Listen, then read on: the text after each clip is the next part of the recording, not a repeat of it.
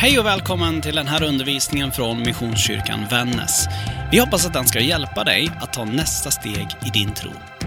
Är du intresserad av mer från oss eller vill kontakta oss så hittar du allt det du behöver på www.missionskyrkanvannas.se eller på de vanligaste sociala plattformarna. Välkommen hem! Josef från Arimathea hade fått ett löfte från Pilatus om att hämta Jesus kropp. Och tillsammans med Nikodemus så hade de gett honom en judisk begravning.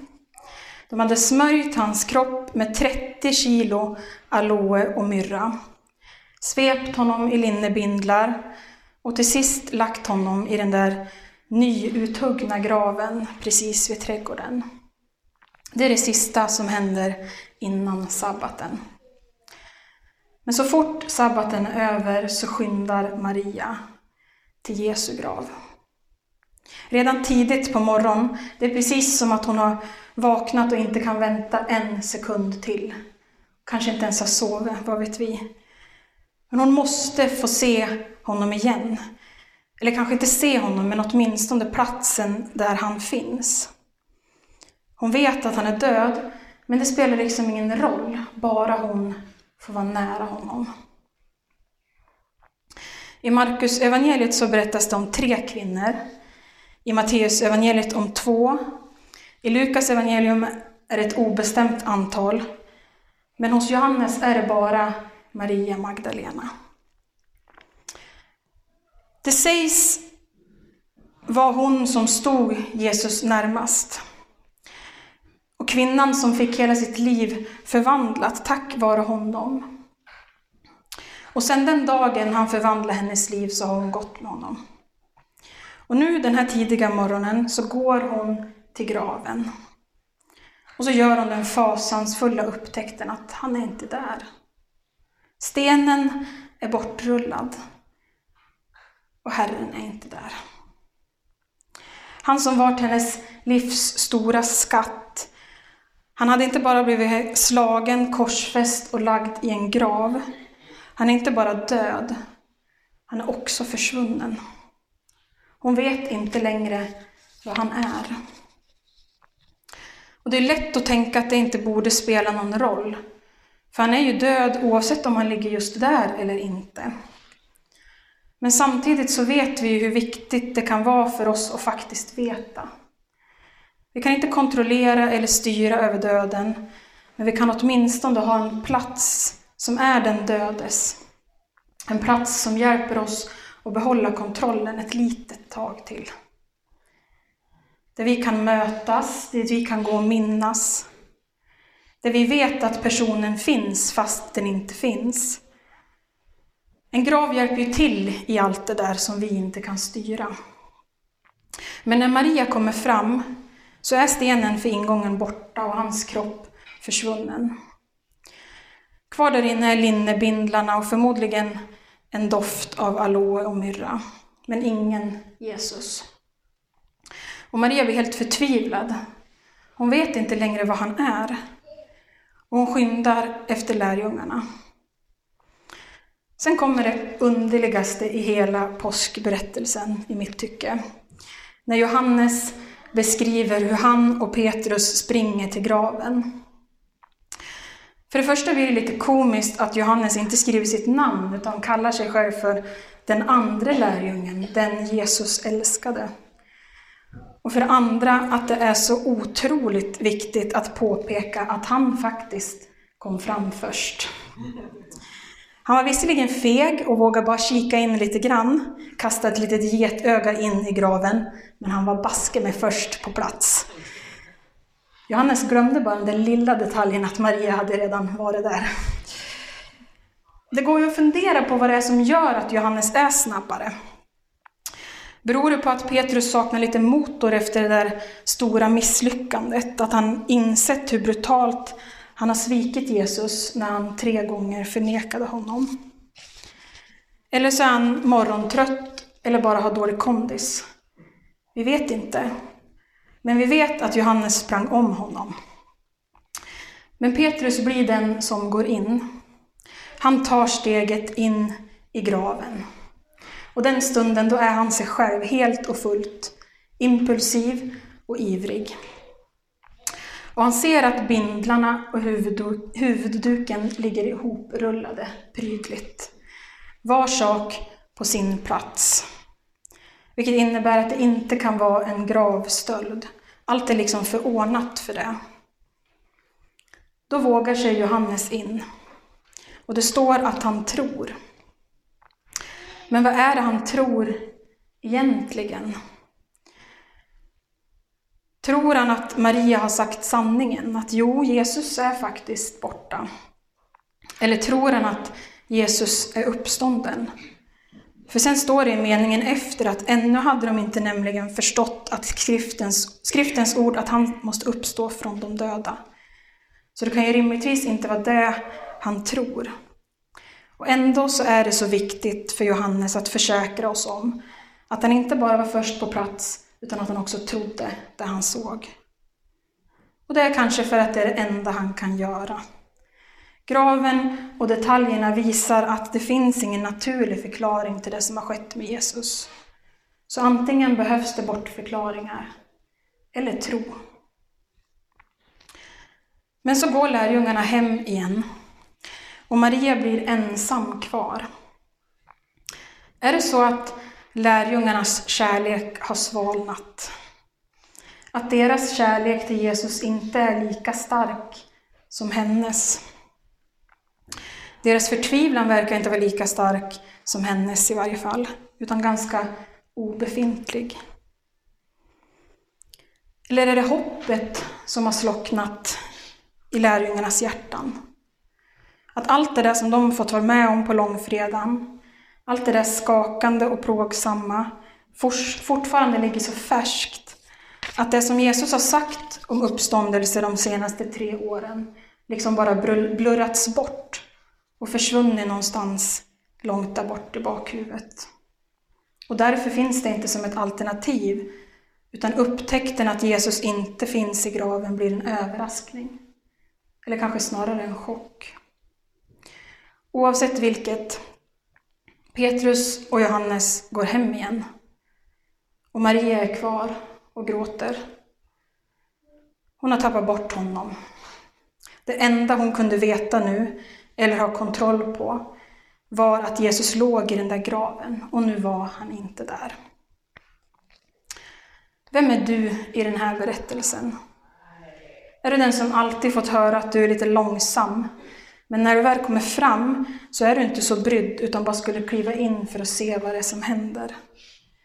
Eller är det viktigt för dig att komma först på plats och även om du inte riktigt har koll på hur du ska hantera situationen. Att ha ett tydligt statement och berätta vad du tänker och tror, även de gånger du inte förstår. Eller skulle du precis som mig bara vara förvirrad och överväldigad över det där som du inte kan kontrollera? Så att du fullständigt bara tappar det och kvar är bara gråt? Eller skulle du hantera det på något helt annat sätt?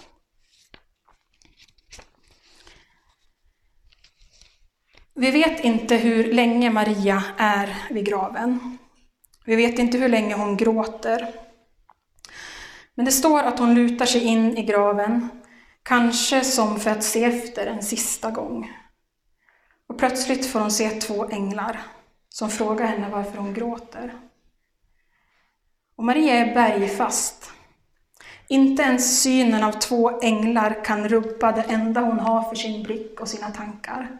Att hennes väns kropp har blivit bortflyttad och hon vet inte var.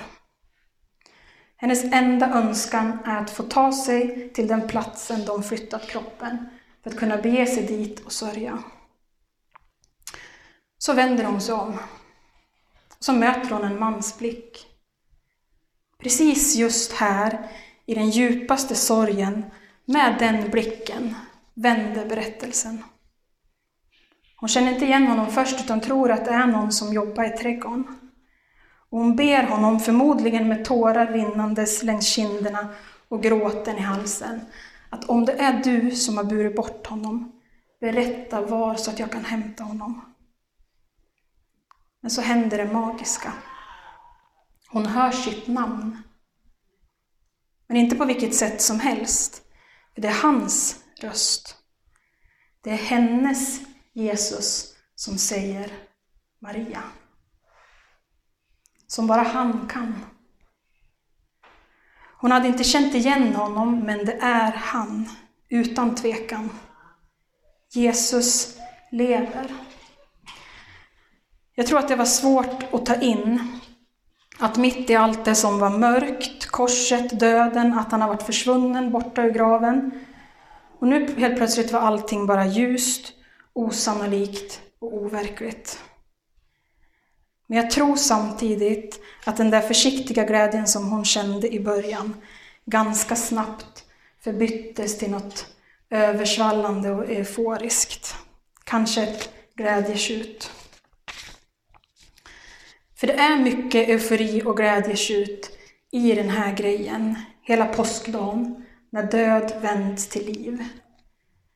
För det är den största glädjen. Det finns ingen större. För er som känner mig väl så är det ingen nyhet att det blir lite utmanande. För den där starka euforiska glädjen, det där hejdlösa glädjetjutandet, det är för mig den svåraste glädjen.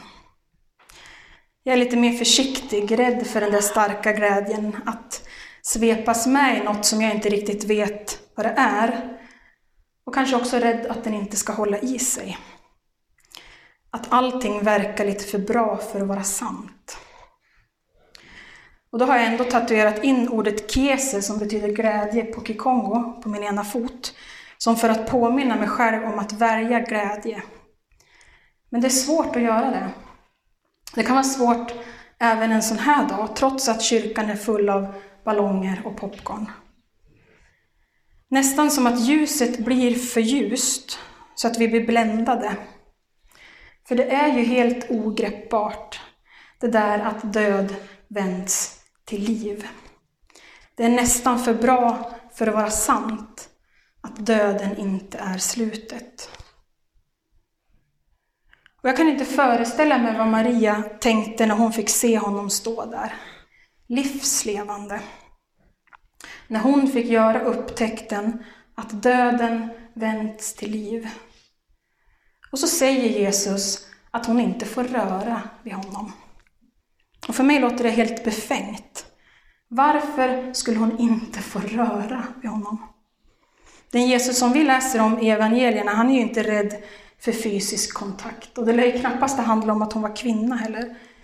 Så det är helt enkelt ologiskt att säga att hon inte får röra vid honom.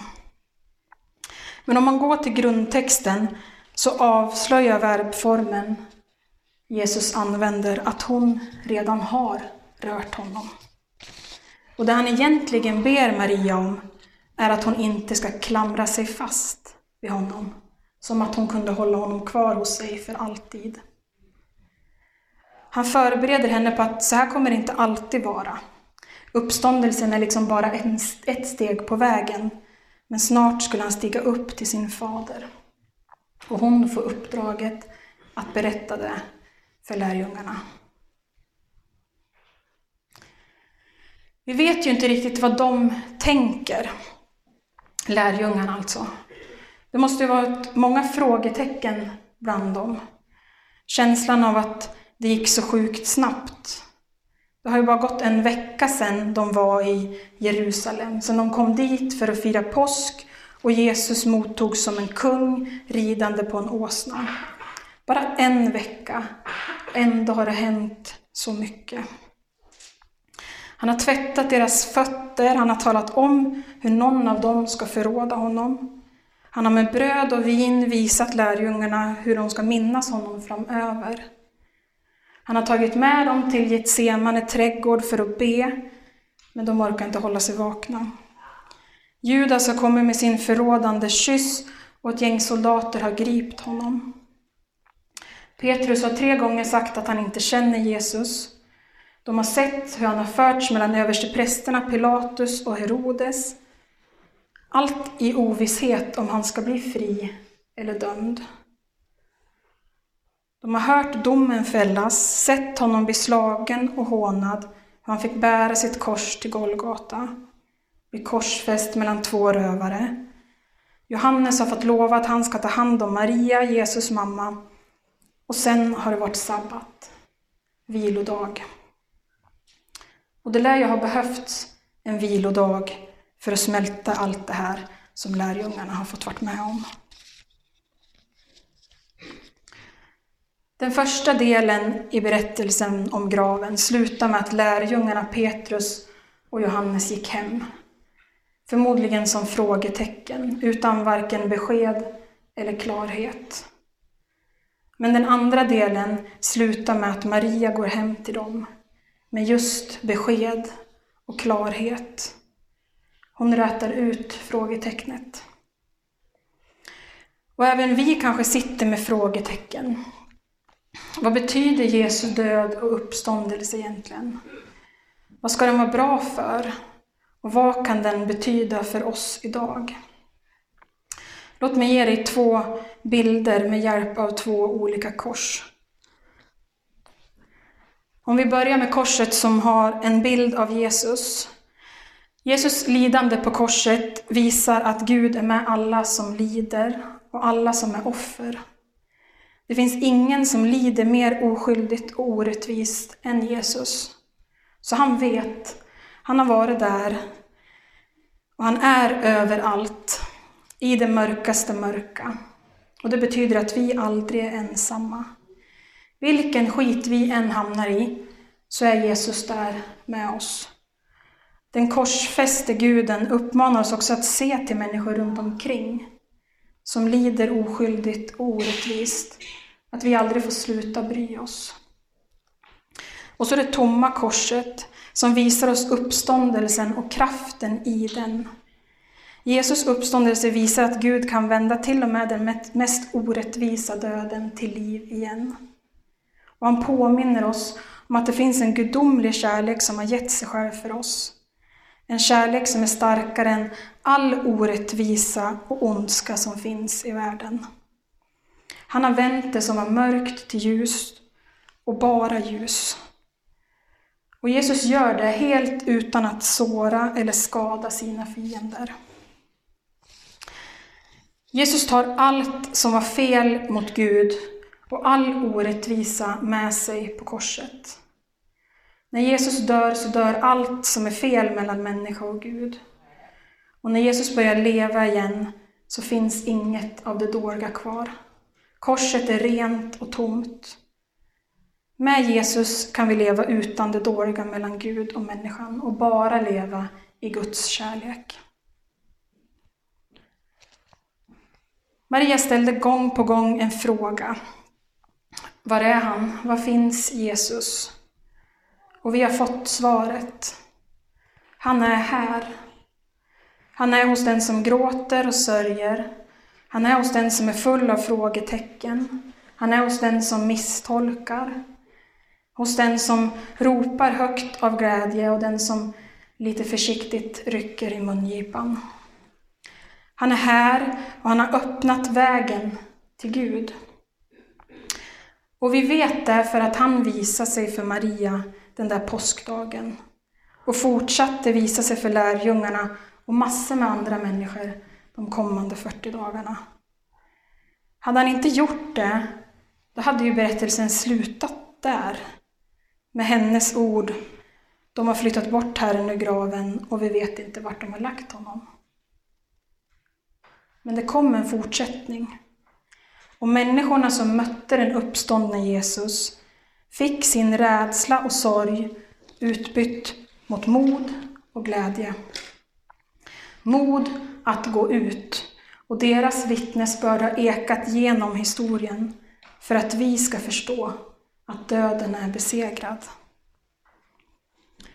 Och till dig som funkar lite mer som mig, vi får bara öva oss på att inse att det som verkar lite för bra för att vara sant kan vara just det, sant. Det kanske känns tryggare att stanna kvar i dunklet, som att uppståndelsens ljus är alldeles för starkt och bländande. Men vi behöver inte vara rädd för hans ljus. Han är den som vänder natt till dag, mörker till ljus, sorg till glädje, oro till frid, hat till kärlek, gråt till skratt, död till liv. När vi tror på att Jesus dog men uppstod och lever idag så får vi uppleva just det här i våra liv. Jesus förvandlar oss så att vi varje dag får leva i Guds ljus, glädje, frid och kärlek. Och även om vi dör så kommer vi uppstå en dag, precis som Jesus uppstod. Då får vi evigt liv tillsammans med Gud. Maria grät för att Jesus var borta. Hennes hopp var förlorat, men hon fick sitt hopp tillbaka. Hon gick från graven den där morgonen med ett förvandlat liv. Vi kan också få göra det. Han vill möta dig. Han säger ditt namn. Ditt liv kan också få förändras och förvandlas av den uppståndne frälsaren. Låt oss be. Herre, tack för det du gör när du dör och uppstår för var och en av oss. För det obeskrivligt stora, den kärleksgåvan. Hjälp oss att påminnas om vad det innebär i våra liv idag. Jag ber att ditt ljus ska få lysa så starkt bländande in i oss, i församlingen, i Vännäs. Och att du ska ta bort allt det där som kan stå i vägen. Jesus förvandla våra liv som bara du kan. Och fyll oss med din glädje idag. Amen. Hej, det här är pastor Johan. Så roligt att du lyssnat på den här podden ifrån oss. Jag hoppas att den har fått betyda något för dig och min bön det är att det du fått lyssna till, att det faktiskt har gett dig praktiska verktyg för ditt liv framåt. Vill du veta mer om oss så spana gärna in vår hemsida. Där finns också fler poddar och undervisning. Har du lyssnat genom Spotify eller till exempel en poddapp så får du mer än gärna prenumerera på vår kanal. Gud välsigne din vecka.